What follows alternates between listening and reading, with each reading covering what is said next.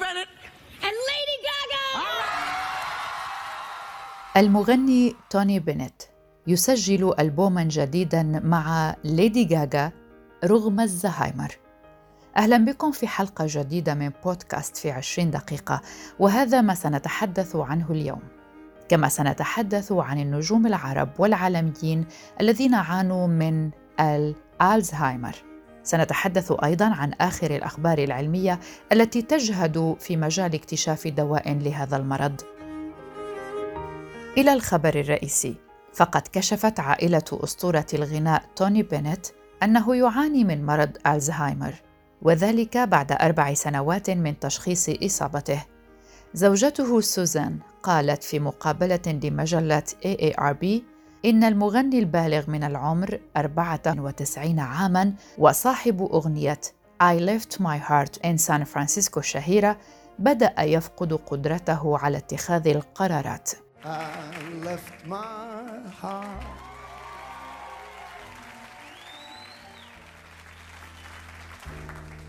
San Francisco هذا الألبوم مع ليدي غاغا تم تسجيله في الفترة ما بين 2018 و 2020 وهو امتداد لتعاون آخر بينهما باسم Cheek to Cheek صدر عام 2014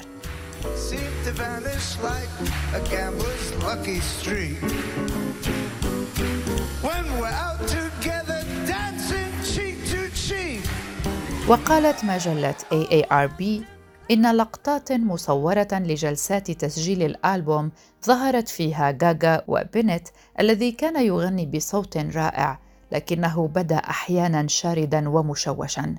وقالت المجلة أيضا إن غاغا كانت تشاهده من خلف مكبرات الصوت وتتحول ابتسامتها إلى رشفة وتلمع عيناها قبل أن تضع يديها على وجهها وتنخرط في البكاء.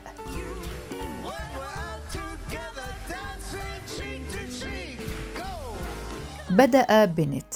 الحائز على 18 جائزة جرامي بدأ مشواره الفني في خمسينيات القرن الماضي وقالت زوجته إن حالته تتدهور بصورة متزايدة وأفادت أوساطه أن ذاكرته القصيرة الأمد تخونه أحيانا إذ يجد صعوبة في فهم مكان وجوده لكنه لا يزال يتعرف على المقربين منه ويستطيع إجراء محادثة ولو أنه لم يعد قادرا على إعطاء مقابلات إعلامية. ومع أن اكتشاف إصابته بألزهايمر يعود إلى عام 2016 لكن أعراض المرض الأكثر حدة لم تكن تظهر لديه في تلك المرحلة. ورغم تشخيص مرضه قبل أربع سنوات كان لا يزال يحيي حفلات العام المنصرم حتى أجبرته جائحة كورونا على التوقف في مطلع مارس آذار. وقال أحد أطبائه إن من شأن ذلك أن يساهم في تدهور حالته الصحية. وكان بينيت اشتهر في مطلع خمسينيات القرن العشرين بعدد من الأغنيات من بينها Because of You وأعاد إحياء مسيرته الفنية منذ منتصف التسعينيات. Because of you there's a song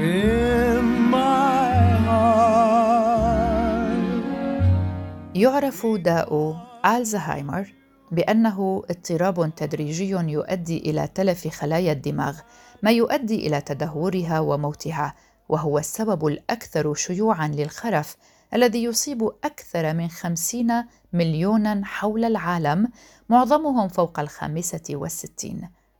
الخرف تلك الحالة التي تتضمن انخفاضا مستمرا في التفكير والمهارات السلوكية والاجتماعية ما يؤدي سلبا في الشخص وقدرته على العمل بصورة مستقلة.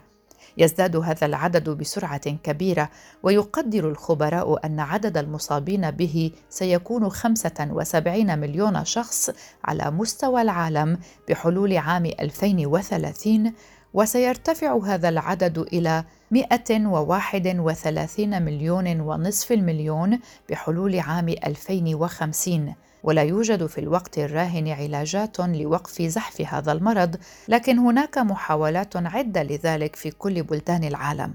ولا توجد حتى الآن طريقة للكشف عن ألزهايمر سوى عمل أشعة مقطعية للمخ بالانبعاث البوزيتروني وهي عملية مكلفة ماديا فضلا عن أنها تستغرق زمنا.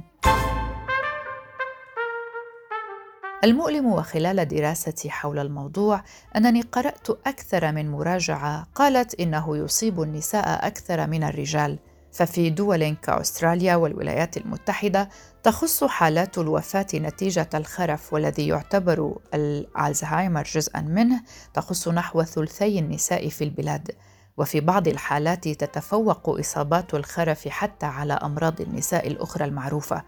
وفي أمريكا مثلا تقول المراكز المختصة إن النساء ممن تتجاوزن 60 عاماً من المرجح إصابتهن بالألزهايمر أكثر من إصابتهن بسرطان الثدي بنسبة الضعف. لكن سرطان الثدي يبقى السبب الرئيسي لوفاة النساء في العمر بين 35 و 49 في بريطانيا مثلاً.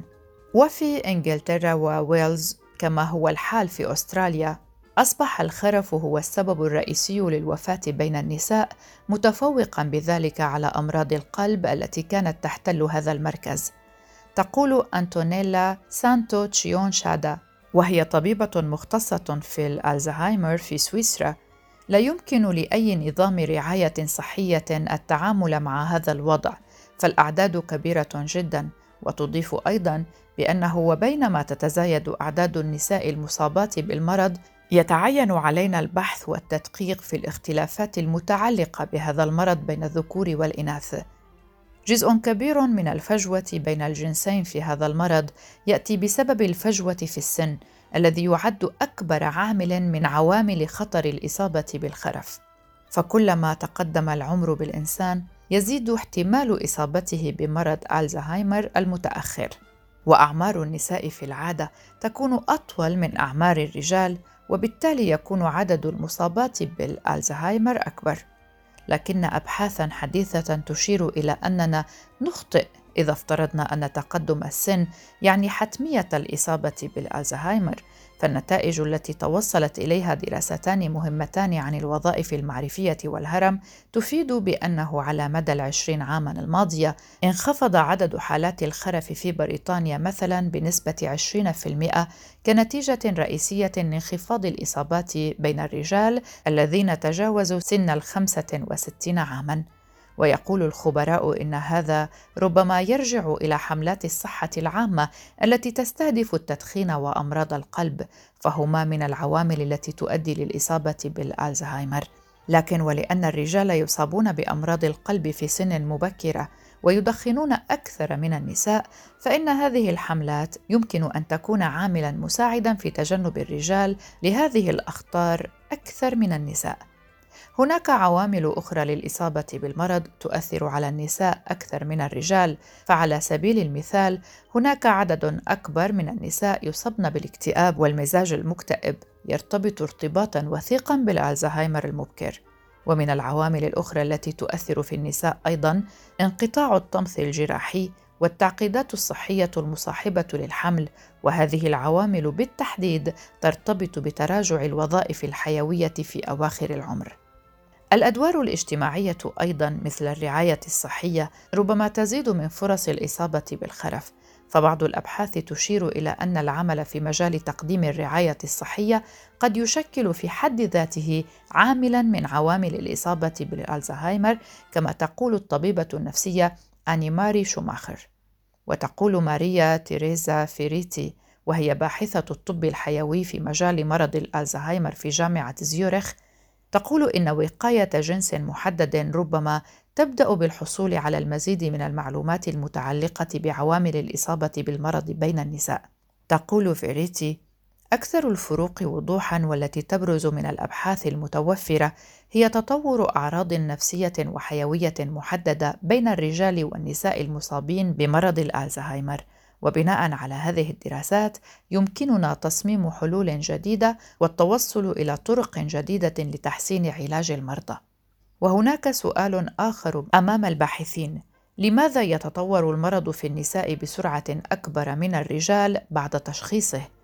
إحدى المدارس تقول إن هرمون الأستروجين يحمي أدمغة النساء في سن الشباب، لكن هذه الحماية تتراجع بنقص ذلك الهرمون بعد سن معينة. وهناك أبحاث أخرى تشير إلى أن أداء النساء كان أفضل في التجارب التي أجريت في البداية وهو ما يمكن أن يؤدي إلى غياب التشخيص في أي مرحلة مبكرة. وقد يؤدي ذلك أيضا إلى أن يسيء الأطباء تقدير مدى خطورة المرض. وإذا كان هذا هو الوضع فإن اختبارات التشخيص تحتاج إلى أن تتغير لتعكس الاختلافات النفسية العصبية بين الرجال والنساء. تحد آخر يتمثل في كيفية تصميم وتطبيق التجارب السريرية لأدوية الألزهايمر فلأنها مكلفة وتستغرق وقتا طويلا تقتسم بالتساوي بين الجنسين مع أن عدد المصابين من النساء أكثر من الرجال. للملاحظة هنا اقتبسنا هذا الجزء العلمي من موقع BBC Future خلال السنوات الأخيرة تتردد الأخبار حول إصابة عدد من الفنانين بداء ألزهايمر منهم من تم الإعلان بصورة مباشرة عن إصابته وآخرين تلاحقهم الشائعات التي تنفيها أسرهم حيث يؤكد ذووهم دائما أنهم لا يعانون من هذا المرض. وفيما يلي سنستعرض معكم أسماء أبرز الفنانين الذين عانوا من ألزهايمر. سنبدأ مع ماجد الصباحي أو مجدة والتي عرفت بصوتها العذب المميز والتي استيقظ الوسط الفني في السادس عشر من يناير كانون الأول في عام 2020 على نبأ وفاتها عن عمر ناهز 89 عاماً بعد سلسلة حافلة بالنجاحات الفنية المختلفة حيث جسدت مجدة خلال مشوارها الفني شخصيات مختلفة منها السياسي ومنها الاجتماعي والرومانسي. كل ما نجيب سيرته تقولوا لنا ده راجل. يعني الراجل بس اللي من حقه يتصرف زي ما هو عاوز. كشفت ابنتها غادة نافع عن إصابة والدتها بالألزهايمر وعدم قدرتها على إدارة ممتلكاتها وهذا الأمر كان سيضر بأموالها الخاصة. لذلك تلمست ابنتها غادة تعيينها قيمة على أموالها وعلى تركة والدتها عفاف كامل الشهيرة بمجده. أيضا تضاربت الأخبار حول إصابة الفنان الراحل سعيد صالح بالمرض وهو الأمر الذي أكدت ابنته هند أنه صحيح وأصيب به قبل وفاته بثلاث سنوات مشيرة إلى أنه لم يكن يتحدث في أواخر أيامه ولا يقول سوى جملة الحمد لله ويكتفي بالإشارة وهز رأسه فيما خرجت زوجة الفنان الراحل لتنفي إصابته بألزهايمر. لكن المخرج عمرو عرفة حسم الجدل حول هذا الأمر وأكد إصابة سعيد صالح بمرض النسيان أثناء تصوير مشهده الأخير مع الفنان عادل إمام في فيلم زهايمر ونشر تغريدة قال فيها مش عارف أخرجت المشهد ده إزاي. قبل ما أصوره كنت بعدي على أستاذ سعيد صالح كل يوم أحكي له المشهد وكأنه بيسمعه لأول مرة. وكنت مرعوب بس مش شايف حد غيره يعمل الدور ولما جه التصوير قال كلام غير اللي في السيناريو بس نفس المعنى وأحلى المهم أبوك عامل إيه دلوقتي؟ أبو الله يرحمه كويس زي الفل الحمد لله طب الحمد لله و... و... معاك عيال؟ عيال إيه يا عمر؟ دول متخرجين من الجامعة على إيدك أيوة ما أنا فاكر قبل ولادك بسنتين ولادي؟ هو, هو أنا اتجوزت؟ وخلفت صح؟ طب لما أنا خلفت العيال ما بيجيش تزورني ليه؟ ما أنا هبقى أكلمهم يجوا لك أهو. لا أنا مش عايزهم يجوا لي لو جوا لي هفتكر إن هم ما حدش فيهم بيزورني. خليهم يمكن مشغولين في حاجة أهم.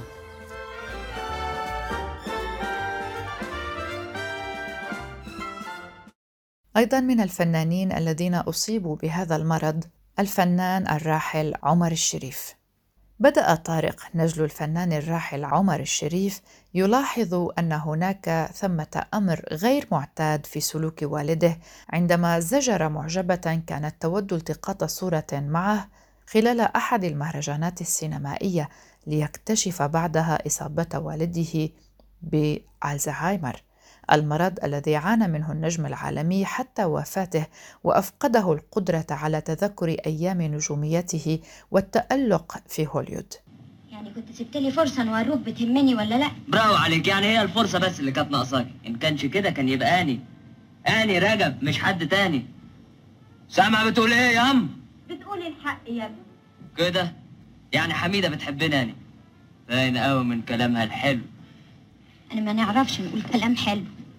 الكلام الحلو بيقولوه بالسيمه عرفت السيمة كمان. رحتيها؟ رحتها. البنت اللي في السيمه قالت للواد اللي بتحبه يا ريتني حتة منك عايزة أكون جوه قلبك وروحك. كلام فارغ لكن لذيذ. قضى عمر الشريف آخر أيامه وهو يعاني من الارتباك بسبب هذا المرض، وروى نجله طارق في أحد الحوارات الصحفية أن والده لم يهتم كثيرا حين أخبره نجله بوفاة والدته السيدة فاتن حمامة، إلا أنه بعد أيام سأله: فاتن عاملة إيه؟ وتوفيت الفنانة الراحلة فاتن حمامة في يناير كانون الثاني 2015 ليلحق بها عمر الشريف بعد أشهر في يوليو تموز من نفس العام. أيضا الفنانة نادية لطفي أصيبت بنفس المرض قبل وفاتها بسنوات لذلك رفضت أسرتها ظهورها في أي برنامج تلفزيوني رغم الإغراءات المادية الكبيرة. ونادية لطفي أو الشقراء الويزة اسمها الحقيقي بولا محمد شفيق والدها مصري وأمها بولندية. اكتشفها المخرج رمسيس نجيب وقدمها في فيلم سلطان واختار لها اسم نادية اقتباسا من شخصية فاتن حمامة في فيلم لا أنام.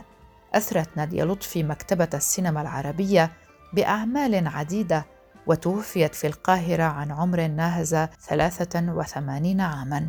ربنا ما خلقش حد من غير قلب وسلطان ده لازم قلبه كبير. أنا متأكدة إنه راجل طيب والناس هم اللي دفعوا لي الإجرام هذا مقطع من أول فيلم لها من فيلم سلطان.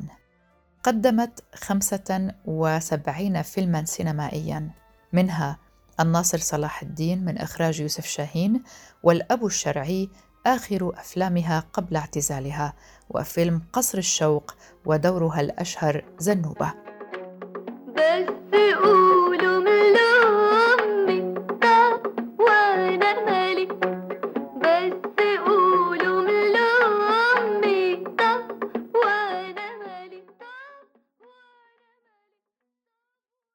لا يمكننا أن نتحدث عن نادية لطفي دون الحديث عن أغاني عبد الحليم حافظ التي غناها في أفلامه مقابل نادية لطفي.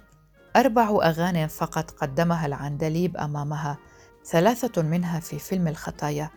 أغنية مغرور من كلمات الشاعر محمد حلاوة وألحان محمد الموجي وأغنية الحلوة من كلمات الشاعر مرسي جميل عزيز وألحان كمال الطويل وأغنية قل لي حاجة من كلمات حسين السيد وألحان محمد عبد الوهاب.